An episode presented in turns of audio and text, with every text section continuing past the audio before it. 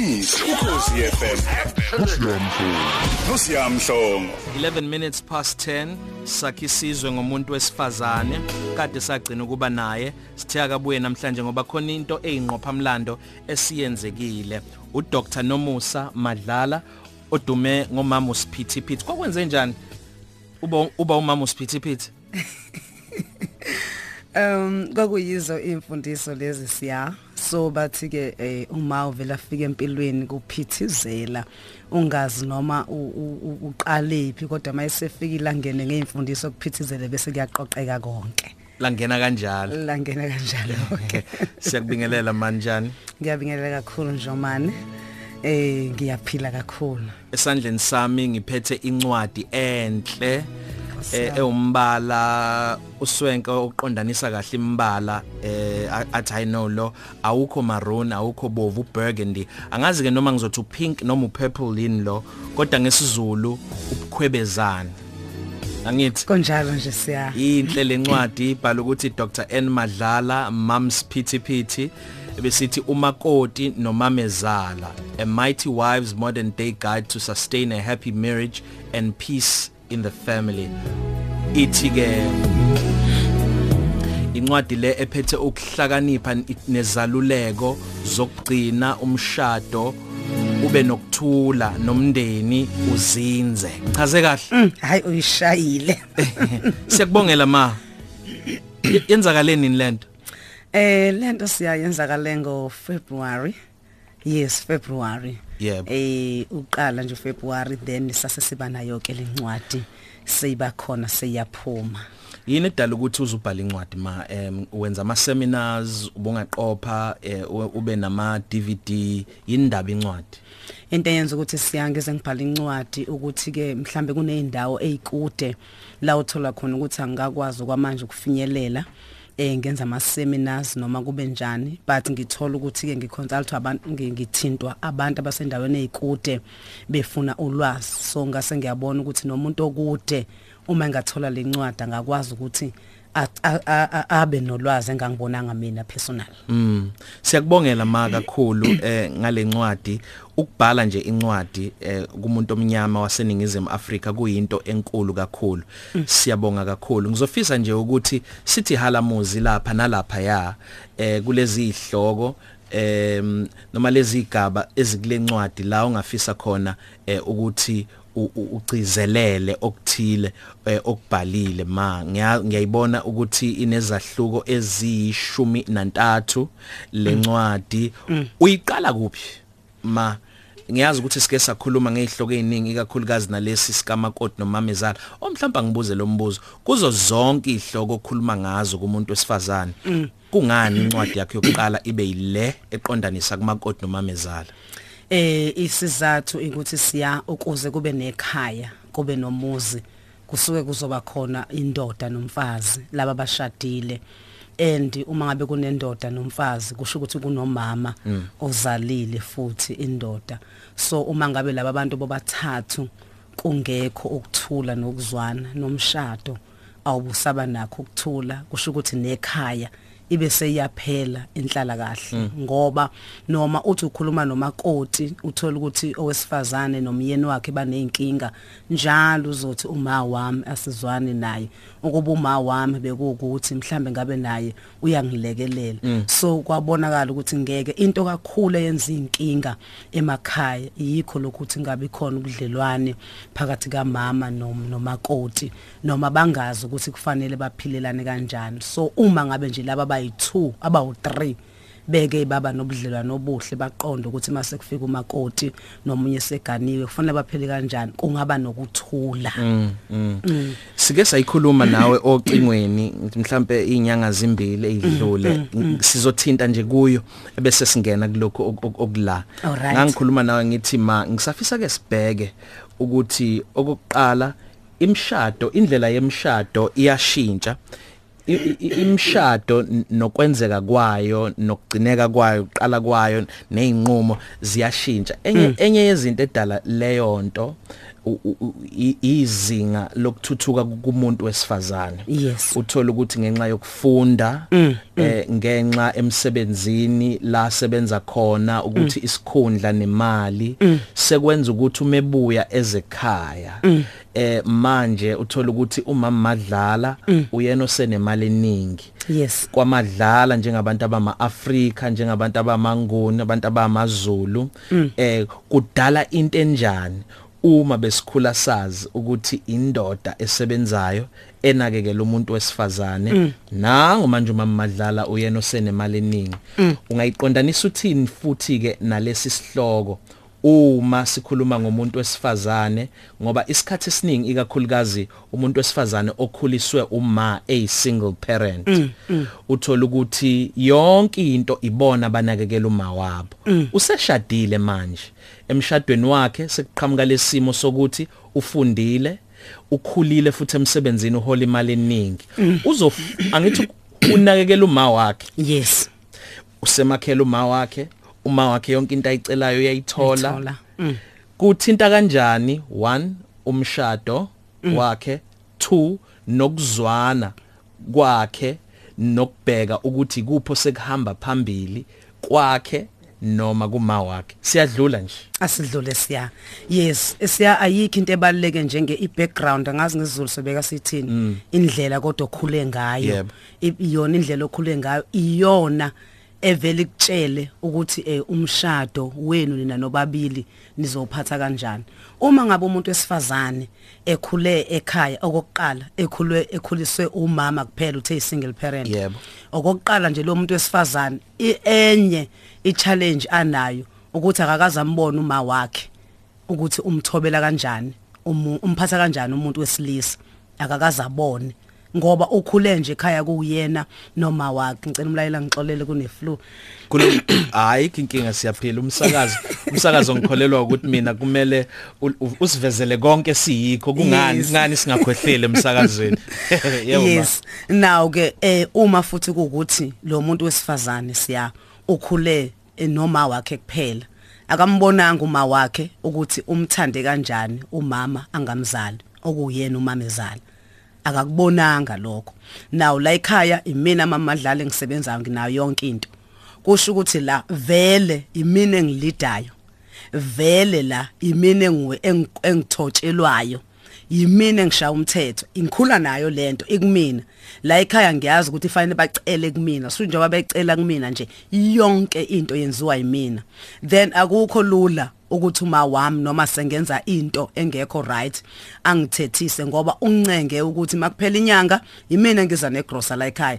Kahle kahle nje ngenza into mangithanda mangathanda ukupheka angithanda ukupheka ngoba vele ngifika ngenza instead ngiyaphekelwa ngilethelwe so mina ngazi ukuthi umina ngazi ukuthi mina wonke umuntu ucela kumina hayi ukuthi mina fanele kube khona umuntu engi e- engicela kuyena. Useyagana ke u undodakazi amahle usiyagana ke manje amahle ukhule nje ekhaya kuyena kuyena. Mayesefika la emshadweni la emshadweni akusahambi ngokuthi ukhule kanjani. Sihamba ngenqubo kababa uNkulunkulu. Kusho ukuthi uthi iindependence okukuyimela ngayo yonke indlela akufunde kuma.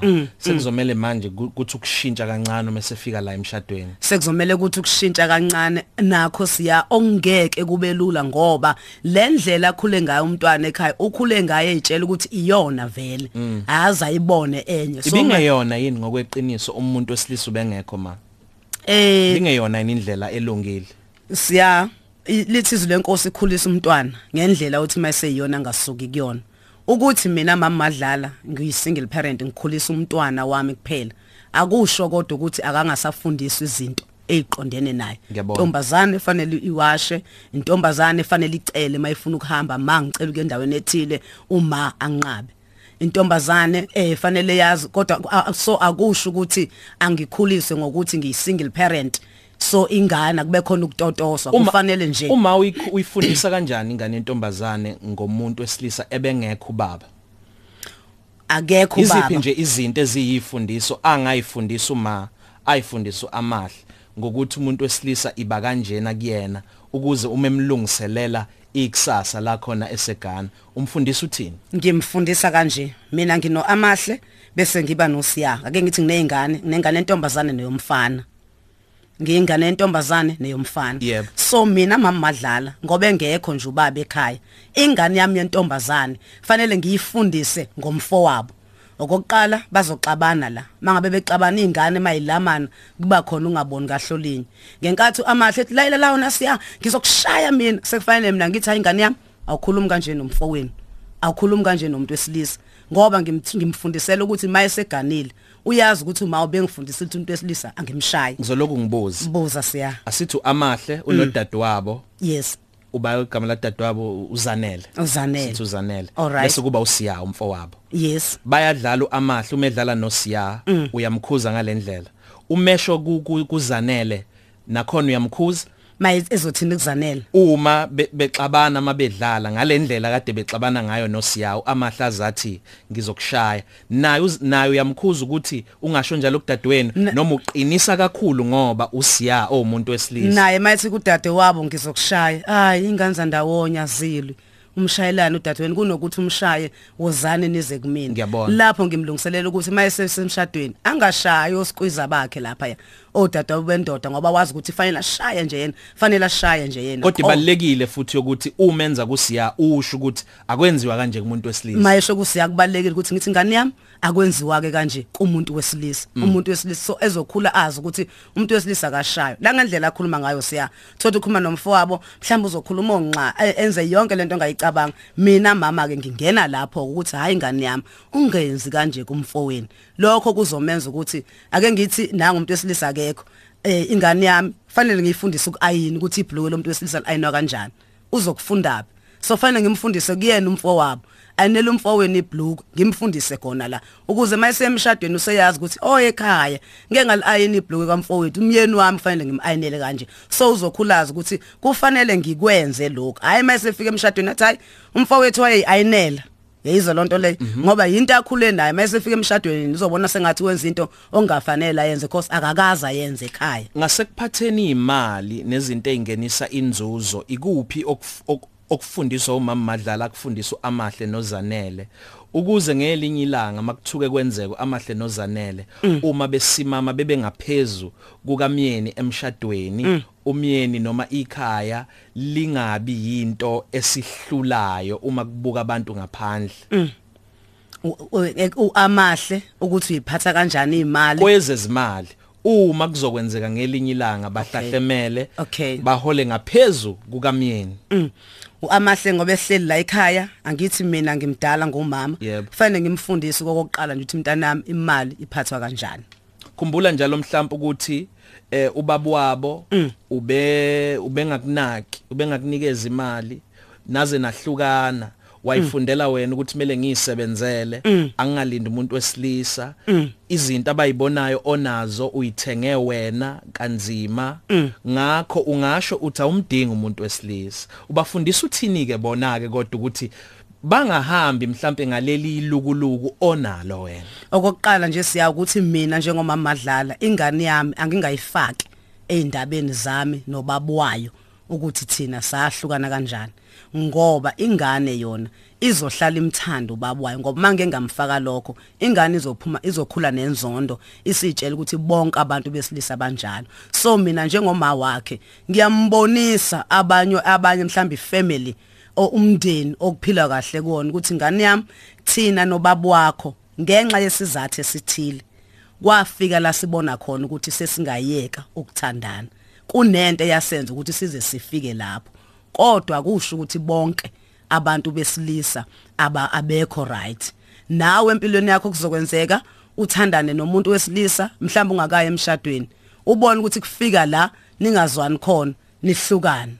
Akusho ukuthi ngeke usamthola omunye umuntu wesilisa alright so ingane uyitshela iqiniso ukuthi mina nobaba wakho kunento ekanje eyasenza ukuthi size siyeke ukuzwana. Kodwa mntanami angithi ke siya lapho into engenza ukuthi mina ngihlukane nobaba wakhe. Fanele mina mama madlala ngifunde kuleyo nto ukuthi yini mina eyangikhipha noma eyangihlukanisa nobaba wakhe. Mhlambe nawe njalo kunamaphutho wawenza mhlambe nami nginamaphutha engawenza. Bese ngitshela umntanami ukuthi ngani yami mina ngashayeka la. Ngakho ke wena ungasakwenzi lokho. Ake ngenze isibonelo siya. Kakhulu into eyenza ukuthi abazali bahlukane nabantu abazwana nabo. Yilokho ukuthi mhlambe sithandane sisebancane. Masithandana sisebancane noma ngathiwa ngiyintombazane ngithandana nensizwa sisebancane. Wonke nje umuntu wesilisa uhlale kufuna ukuhlonishwa.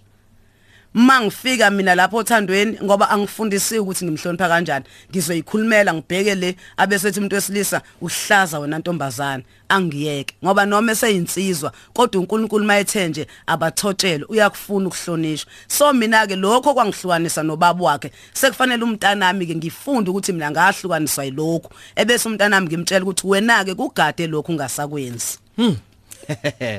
angibuza kokugcina buza siya. Usiya yena uthini kuyena? Umkhulisa u single parent u single mother.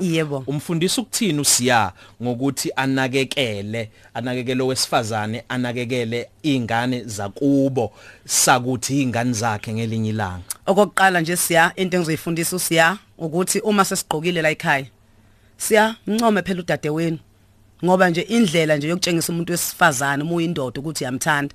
Segqokileke wamuhla udade wabo wahamba okwenza ikhanda. Hawu siya udade wenu mayikade yokwenza ikhanda mncome mntanami uthi awusisi wami yazi yayinhle hairstyle yakho.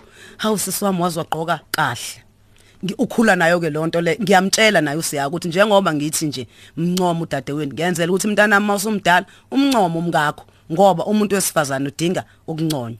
Uma ngabe ukuthi usiya kade ehambile ngiyamfundisa ukuthi siyama usubuya awubuyi phela ngezandla. Thenga isinkwa unodade wenu nje lana ubusweet ophathele amahla ubusweet ophathele kubaleke ngani uminati. ukuthi usiyamfundise lokho? Usiya kubaleke ngoba uma ngithi mase ngimbheka usiya enye ama chapters kule ncwadi ukuthi mangikhulisa ingane yomfana fanele ngazi ngikhulisa indoda yakusasa. Lokho kuzomsiza ukuthi mayeseganiwe egoduke ekhaya akafike efaka izandla emaphaketheni engasiphethe isinkwa.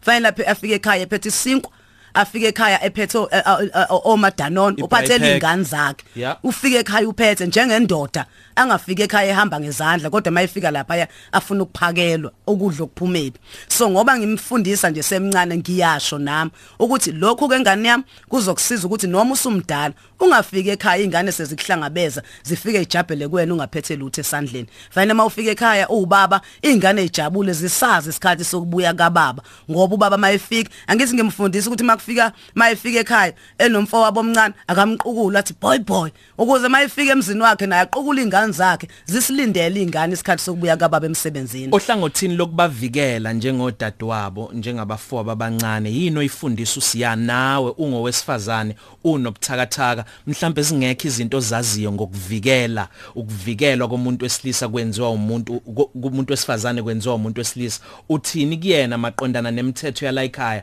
nosisi bakhe nokuthi abe nezwi azothi uma elikhuluma bamlalele bezwe ukuthi oh umfowethu kodwa indoda. Okokuqala nje eh, eh, eh, eh, siya usiya ngoba yena uwumuntu wesilisa uyamazi umuntu wesilisa na na- na- nama tricks namacebo akhe. Naw ke njengoba umuntu wesilisa nje ke ngithi mdala kuna into yokuqala afana mvikele kuyona ukuthi ake sithini mayethi kuyena dadewethu uma ngabe umuntu wesilisa efika kuwena ethi kufanele wazi wena mhlawumbe ke ngithi ufika kuwena uthi eh uya oh ake ngenze nasi isibonelo siyange uthanda umbuzo wakho wabuya into ethi sixoxa ngayo. Uthi angithi manje eh, abafana bamanje abasethi mabefika kuwena bakubuza igama ukuthi igama lakho ubani.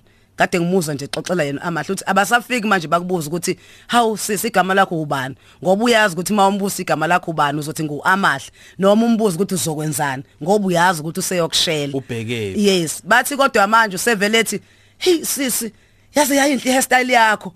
Once wathi nje yazi yayinhle hairstyle yakho siyaqala siyasmile. Ngiyabonga. Usiyabuza ukuthi hawu uyenzephi? Yabona siyaqhubeka indaba. Yebo. sekulula ukuthi agcine ethola iphone number. Manje nake sekufanele a- udadu wabo yena amcebise ukuthi bheka ke manje umuntu wesilisa usengena kanje usethi nje ey wazaqoka kahle sisi akakalibuza igama Kusho lapha. usiya njalo, utshela Kusho udadewabo. usiya utshela udade wabo ukuthi asisasho manje ukuthi ungakwabani igama lakho uba ngoba uyazi ukuthi uzothi libuzelana usungena ngokuthi umncoma ayiqoke kahle. Uthi isisi wami wazaqoka kahle waziwamuhle na kanjani kuzohleka uthi awubandla ngiyabonga. Hey bo kodwa ubani lokhu? Yabo iqhubeka indaba uzogcina etholile i- i- iphone number yakho. Wena mama madlala lezinto oyifundisa izingane zakhe eziningi kangaka zama eziyingxenye ezahlukene wena uyifunde phi? Ngoba nawe nje u single parent uNkulunkulu nje ovele wakunikeza lo musa lezi ingane wayikhulisa nakuba niyaphila niyikhaya elisimeme. Wena ke uyithathaphi wena ulolwapi mina ke manje engiyi single parent esengifundisa izingane zami ngilolwa khona la ekuthena ke sithi nabo mama madlala bathe sibiza nje abakhulisa izingane ngabodwa gijima kuyohlala ulalela ukuthi ingane yami ngiyikhulisa kanjani. Ngibuke nabanye emsebenzini ngingabuki nanombani ngibuke nabanye mhlawumbe ukuthi le family lomndeni lo bahleli kahle umama nobaba. Ake ngizwe bona ukuthi benze njani. Nazi njengoba sizisho nje nezincwadi ngifunda izinto ezihambisana nami kodwa mina mina engikhulisa ingane yami ngedwa ake ngithole phela kulabe engibonayo ukuthi uNkulunkulu ubasizile bangilekelele nami. 28 minutes before 11 Sgwinyamathi umama madlalo siphithiphithi dokotela oqhamuka kwinhlangano sakhe isizwe ngomuntu wesifazane. Besihlelile kahle nje ukuthi sizokhuluma ngencwadi ayikhiphile umakoti nomamezala kodwa sesivumelene manje ngikusadlala ingoma ukuthi sibalekile lesihloko sesivele sangena kuso. Okungenana sisebenzise imizuzu yokugcina ngenxa ukuthi isihloko esike sakhuluma ngaso isihloko sikamakoti nomamezala. Ukuthi nje sigcizelele lapho nalapho kuma chapters akulencwadi uma izinto azibalulayo nazibona ziyizinto okumele sizifunde kulungileke. Ngizofisa ma uma sibuya kulabo ababalekile ke sikhulume ngokuthi ngifundisa kanjani ingane yam nje ingane yakho? Usiya umfundisa kanjani? Uma eseqale sebonakala ukuthi useyaphuma ke manje ezifundisweni ezinhle zala ekhaya. Usiya kade konke kuhamba kahle umfundisa e- ephasa esikoleni ehamba uSunday school enkonzweni neYouth avela suke nje usiyawo uyambona uyambona uyashintsha nje ukuthi umlomo manje usumnyama. Siyawo usuyabhema yini? Lutho ma eh usiyawo ke seke angene nango 3 ekseni uyambona ukuthi ayi ingane yakho isiyaqala manje iyakushintshela. Ngibuza ngoba eh uzwile isinqumo senkantolo kuleli sonto esiphuma kulo ngomfowethu lo ya umfowethu lo ogwetshwe iminyaka ewu32 owabulala intombi eh wase wayishisa. Usizwile Yes. isinqumo senkantolo ukuthi lukhona uhlobo mhlambe olunjalo labantu besilisa nokuthi ke ikupho zokufundisa usiya ukuthi angabi intswelaboya yomuntu wesilisa yakusasa. Umama madlala wahlukumezeka ehlukunyezwa ubaba weingane seseleke nalezi ingane usiyama kwenzeka mhlambe ethunywa umama madlala noma madlala ethetha. Usiya usiyaqala uyaphendula.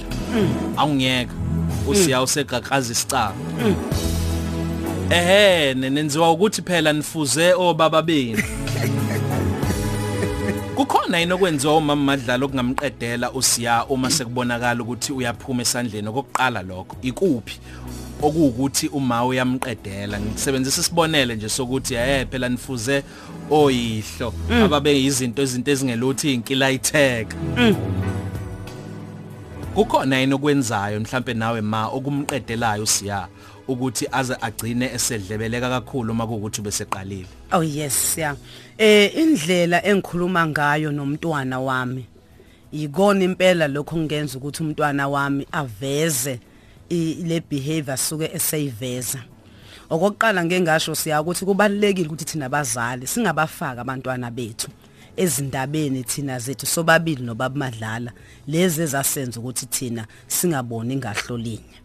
nawo ke uma ngabe ngizokhuluma nengane bese ngithi kufanele wenze kanjena wena ufuze yena impela uyihlo okokuqala nje ingane ukuthi nje mina nobabu wayo asikho ndawonye akumnandanga kuyona. Ivele vele inalokho kucasuka ikhulu inaleyo nto leyo. Ukuthi ngoba umngani wami yena mayingixoxele esikoleni ngixoxela ukuthi ade nomama wakhe nobabakhe. Kodwa mina eh akekho ubaba wami la eduze. Lokho nje umntwana akumthokozisi. So mase ngizothi mina kufanele wenze nje wena ufuza uyidle kanjani kanjani ingane ke izoyenza ngenkani lonto le. Noma isiyenza ithi vele ngifuza ubaba ngoba vele umfanisa naye ubaba. Kanti nawo amazwi siyaye siwakhiphe emlonyeni nawo amazwi ayadala. So ke uma ngabe umzali sengathi ungathi mawukhuluma nengane yakho ungamfaki omunye umzali wayo. Okwesibili siya ingane yami nakho siqala mangithuma ibhakazi sicapha njengoba dushile ukuthi isiyenze sikhuluma ngendlela okungeyona. Uma ngabe umzali ukhulisa umntwana wakho umzali nje noma umama umuntu wesifazane? Eh, wonke umzali. Ngiyabona. yes so ukhulisa umntwana wakho. Umntwana wakho ungamkhulisi wedwa kodwa mkhulise kanye nabangani bakhe. Izwa leyo siyano umlaleli uma ngikhulisa usiya kuumntwana wami kuyi right esasemncane but wazi waqala nje wangena kulesi kuleli kulesi sigaba okuthiwa eh i teenager la beqala khona ko 13 years kuya phezulu. Ungasamkhulisi yedwa kodwa mkhulise nabangani bakhe ngoba indlela umntwana wakho aziphatha ngaye la ekhaya ikutshela indlela yabantu aphila nabo ngaphandle. Mkhulise nabangani bakhe. Mkhulise nabangani bakhe siya. Ngiqonda ukuthi uma umzali kulwele ukuthi ubazi abangani bomntwana wakho. Baza abangani bomntwana wakho. Uma kungenzeka kungathi ungake ubazi nabazali bakhe ikhaya phuma kulona. Uma mina mamadlala ingane yami iwumngani siya nawe. Mina mama madlala angikulwele ukuthi ngimazi usiya usiya Njomani owumngani nosiya wami. Uma seningabangani nina zikhona vele izinto ezizohlanganisa ngoba wena siya eh uzozalwa ube nosuku lokuzalwa. Usiya wami afune ukuya eh, kephi epha eh, eh, emcimbini kamngani wakhe. Na kanjani ke lapho ngizobabona siya abazali bakho? Thina ke njengabazali manje kufanele sihlakaniphe siyeke ukubukelana phansi ukuthi ingane yami umngani nengane iphuma ekhaya enjani thina ngoba sesideal ikhatha ayisafana thina ke manje uma ka siyamhlongo noma nami nami asihlangane noma wakho ngoba ukuthi wena siya la ekhaya uyiphathe kahle noma ungasayiphathi kahle kulele kule ngane yami umngani wakho. Nami ukuthe yami ishintsha indlela ekhuliswe ngayo kulele kuwena ngoba nawe uza ngendlela okhuliswe ngayo ekhaya kini. Naye uza ngendlela akhuliswe ngayo ekhaya kini. Nawe kungisiza phi siya ukuthi ngikwazi wena njengomngani wengane yami?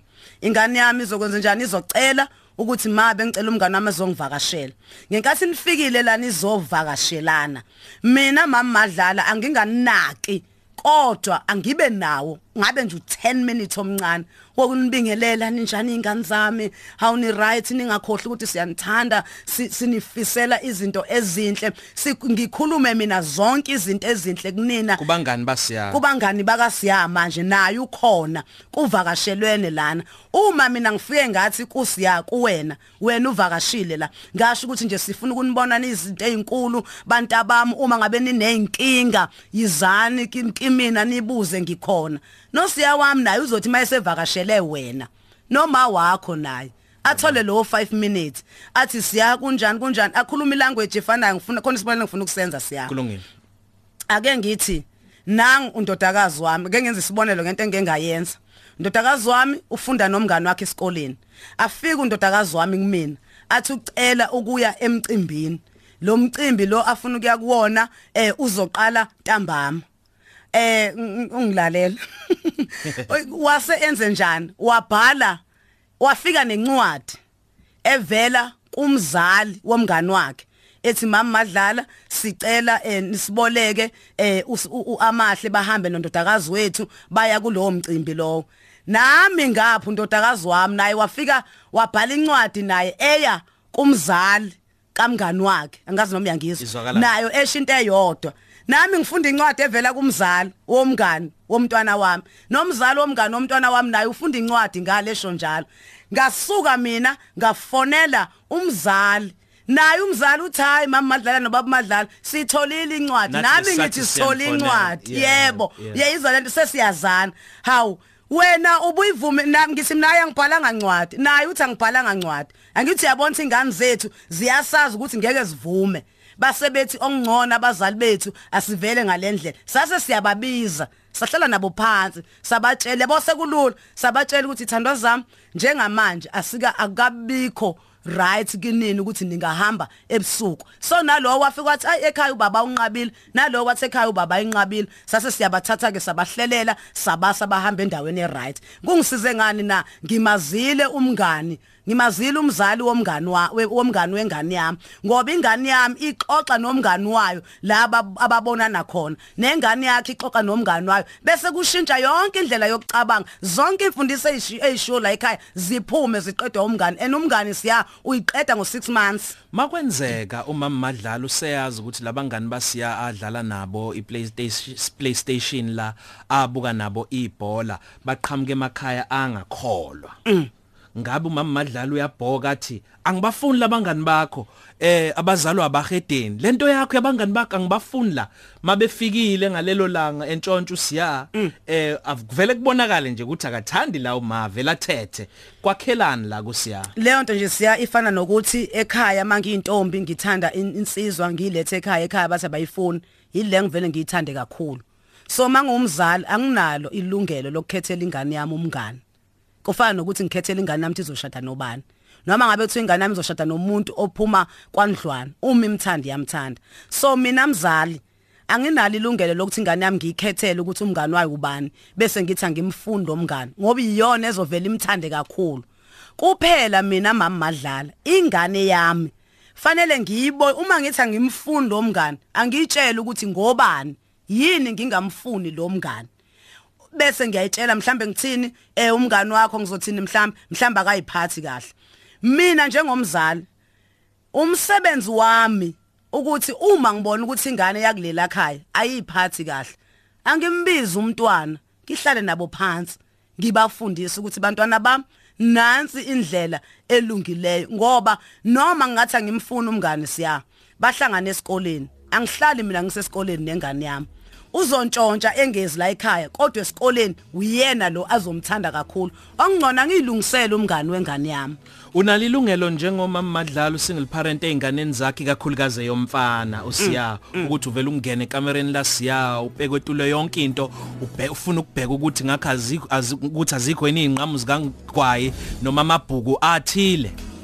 Siya ukuvele ngingene ngifune ngibheketule ngeke ungisize ngalutho. Mina ngifundisa usiya ukuthi ugwayi uyinkinga kephi? Hayi ukuthi ngingene ngibheketule ukuthi kukhonani la. Uma ngimsola ukuthi uyaphuza angimfundise ngotshwala. Hayi ukuthi ngivele ngene nje ngibheketule ngifune lokho nalokho lento ifana nokuthi ngithi enganeni yami ungadlali nezingane zabafana. Kuzosizani lokho? Fanele ngimtshele ukuthi ukulala nomuntu wesilisa uzokhulelwa. So uma ngumzali akufanele ngivele ngene nje ngibheketule ngithi wenzani? Uhleliphi angimtshele ngobungozi bento ukuze ingane i- i i- understand ukuthi yini indaba uma nobaba bethi abayidingi lento Sabona siyano mama madlala unondumiso M uthi ngibusise kakhulu ngohlelo lwendumiso ikakhulukazi ngokusilethela umama madlala izinto azikhulumayo zingivusela uhlevane indlela ezinamandla ngayo. Okuzongisiza nje ngicela ukwazi ngayithola kuphi? Uthi i-increase kamama madlala ngithole lezi zinto ezinamandla. Ngica- ngiyacabanga ukuthi ubebhala ukuthi incwadi. Eh washawa auto auto correct kusho ukuthi awumsizanga. Lona uthi sawubona siya mama madlala upowerful kakhulu uyaphuthelwa ozele ongalilaleli ukhozi njengamanje Ng- ngicela uyigcine le interview siya iba usizo olukhulu esizweni. Angazi kungenzeka kanjani ukuthi ihlale ithola indawo ezinhlelweni zakho. Abantu bakithi bayizwe ngesiqiniseko sokuthi izolwenza ushintsho emndenini yaseningizimu Afrika. Siyabonga kakhulu kuwe siyano mama madlala ngenkulumo yakhe eh, eyisinkwa semndeni. Uma mama madlala ukhulisa ingane la ekhaya sizoyifaka i-podcast. Angithi Casper?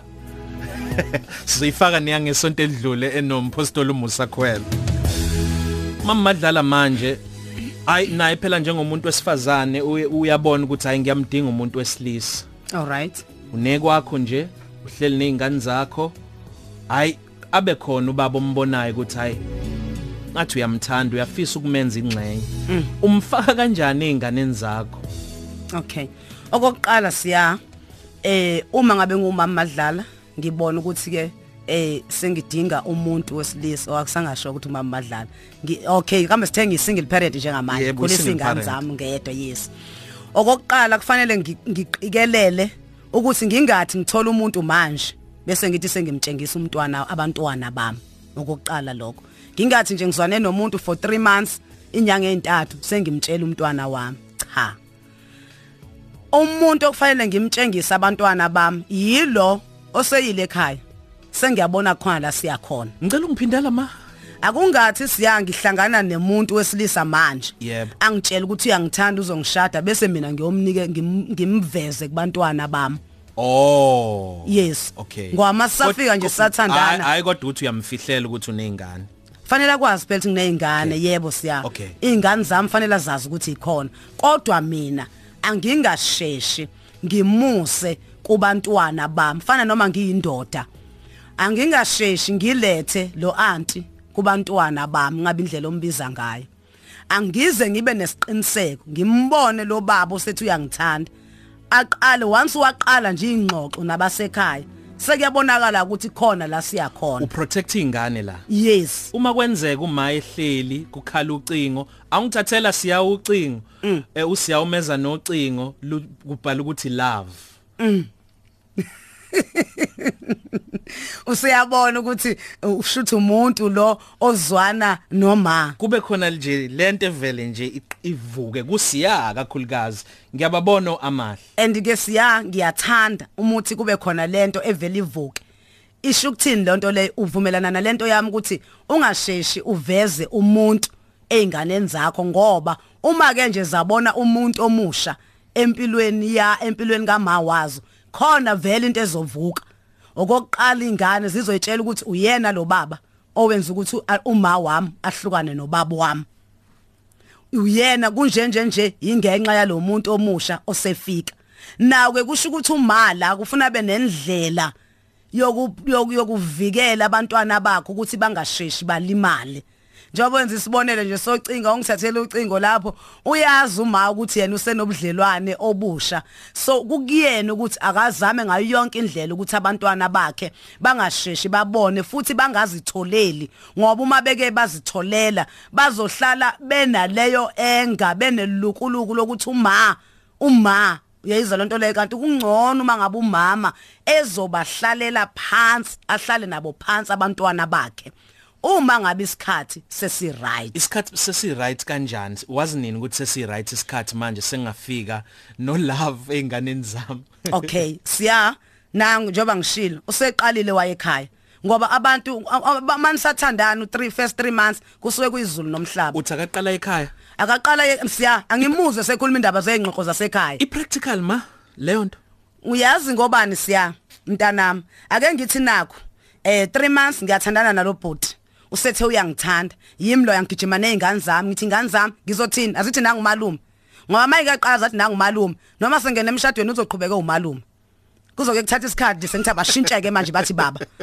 Yeyizwa lonto le? Sithandane nayo 3 months emva kwalokho luphela uthando. Angithi bese ngimvezile ngoba ngithi phela eh uyena. Luphela uthando luzophela phela uthando. Angibona ukuthi nginjani ngilihlaza angiyeke mhlawumbe ube nenye intombi. Ngithandane nomunye. Einganeni zami futhi abantu abami nangomunye umalume. Ingane ezithini lapho? Zibuka uma enjani? Uma ngineyingane yentombazana ngizoyiluleka kanjani ingane yentombazana nami ngesimilo? Ngoba iyangibona nami ngishintsha omalume ingane izoyitshela ukuthi uthi normal lento ukuthi nami angishintshe ini abantu besilisa. Ngakho mina mama madlala. Ingane zami mina yes kulungile mangifuna ukuthandana nabantu kodwa einganeni zami akungabi ukuthi sengiyamathula ukuthi uyena umuntu ke manje sebezothi baba kuyena noma sengizwana naye. Kufanele mina uma sengifuna ukuveza umuntu wami kubantwana bami angisuke ekubeni umama umadlala kwilevel yami. Ngiyongena emqondweni kwi-age esigabeni somntwana wami. Ngiyohlala naye phansi sibe nesikhathi sethu esanele. Ngilungiselelane na? Ngilungiselela ukokwazisa umntwana wami ngomuntu wami omusha. A- angithi yabo siyayilahlekapi thina sivele sithi ingane vele igibele emotweni. Idrive ithi ngimbonile umalume kuthiwa ngithi malume umalume wathenga uchocolate. Isihlakaniphile lezi ngane uyabona nje ukuthi kwenziwani la. Kodwa ngithe malume ingane yami angihlali kanti kufanele mina ngingakwenzi kanjalo. Kuthi angithi akathi malume akathi ba ingane yami angifune isikhathi ngisihlele kahle. Ngihlale nayo phansi ingane yami. Ngiqale kuqala ngiyitshele ingane yami ukuthi mntanami isifiso sami kwakukuthi ngishade nobaba wakho. Noma kubaba wakho ngishadile naye washona noma sahlukana ngabe kuphi okushoyo mntanami akusenzekanga ukuthi mina nobaba wakho sigcinelana. Ngenxa yezizathu ezithize mntanami usasemncane ngeke ngikwazi ukukuchazela zona. Kodwa uma usukhulile uyobona. Njengoba ke ngane yami ngumuntu wesifazane sekufika la ekutheni ngibona ukuthi kube sekunomuntu esengizithandana esengithanda ukwenzani ukuzwana naye. And ngalesi sikhathi ngikhuluma nomntwana wami angimphoqa angizile la ukuzomtshela ukuthi thana ngizomazisa ukuthi sekunomuntu engizwana naye.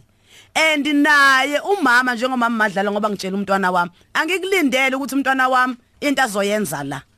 Ngoba uzokuzo kokuqala uyami into esammangaza nje kokuqala ukuthi hawu kanti uma uyakwazi ukuthandana nomunye umuntu uhlulwa yini pho ukuphindela athandane nobaba? Usaxawa yilokho uthanda uma usakwazi ukuthanda akaphindeli ngani pho kubaba? Sokusafanele mangihlale phansi naye ngimchazele umntwana wami ukuthi ngani yami kufike la sekukuthi ngeke thina sisakwazi ukuqhubeka notatakho.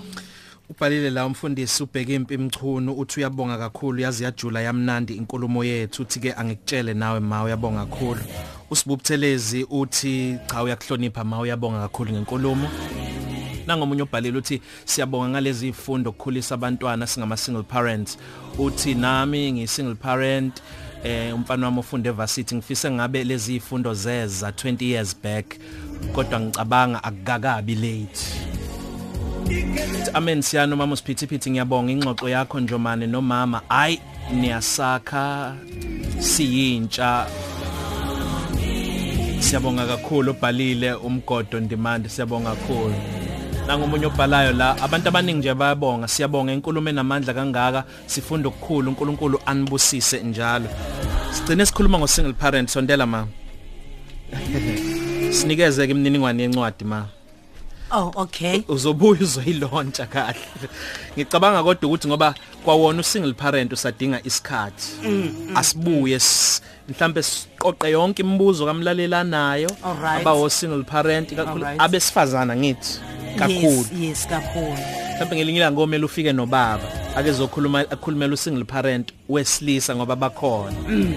Awusitshele nje incwadi ikhona iyatholakala sinikeze nje mhlambe email address inombolo khona wena uyoxoxa nabo kubatshela ukuthi bangayithola kanjani. Okay incwadi khona iyatholakala ithandwa zami eh ungangifonela. Okay email address uinfo@sinw.org.za uSINW umele usakhe isizwe ngomuntu wesifazana then inombolo eyami awiqedanga ugcina uthi nje @info@sin w.org.za okay ngiphindela info@sinw.org.za inamba iyatholakala ema-ofisini wethu incwadi ungasifonela ku-073 377 2856 073 377 2856 kanti kamake u-073 450 4261 Facebook page Dr N Madlala Mama Siphithiphithi Dr N Madlala umama usiphithiphithi ukhipha incwadi umakoti nomamezala sibonge kakhulu ma namhlanje besikhuluma ngo single mother. Uzobuya ngithi? Na kanjani siyama ungiphile nje ithuba baba. Siyabonga kakhulu. Bless you.